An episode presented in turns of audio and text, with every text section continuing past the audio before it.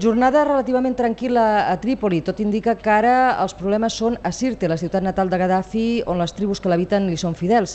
El Consell Nacional Transitori ha intentat pactar amb ells la rendició, però de moment no s'ha aconseguit. De fet, és en aquest reducte que és fidel a Gaddafi que ell confia en poder donar un tom radical a la situació, però ara per ara sembla que li és contrària. Fins i tot s'ha anunciat que, si no hi ha novetats, dissabte el Consell Nacional Transitori desplaçarà la capital eh, rebel, Benghazi, fins a la capital del país, Trípoli. Mentrestant, eh, avui continuaven arribant ferits de bala, molt menys que les últimes hores, a l'Hospital Central de Trípoli. El doctor Bashir Ekuli, el cap de torn, ens explicava que tot i això estan desbordats. Ens ha mostrat una habitació on s'amuntegaven pocs minuts abans eh, cadàvers i que havien hagut de buidar per poder allotjar els que puguin arribar a les pròximes hores.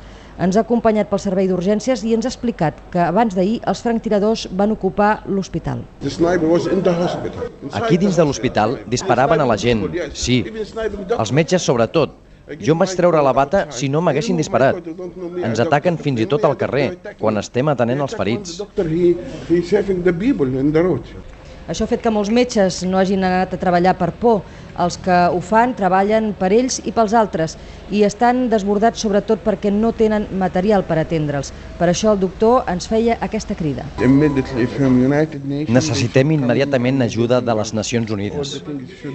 Han de venir ara mateix perquè cada dia arriba gent ferida de bala.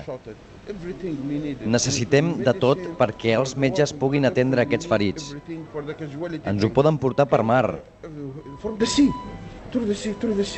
De fet, no disposen ni d'oxigen i ho hem comprovat. Hem vist com intentaven reanimar manualment un home que ha ingressat quan nosaltres arribàvem, ferit de bala, i que quan en sortíem de l'hospital ja era mort.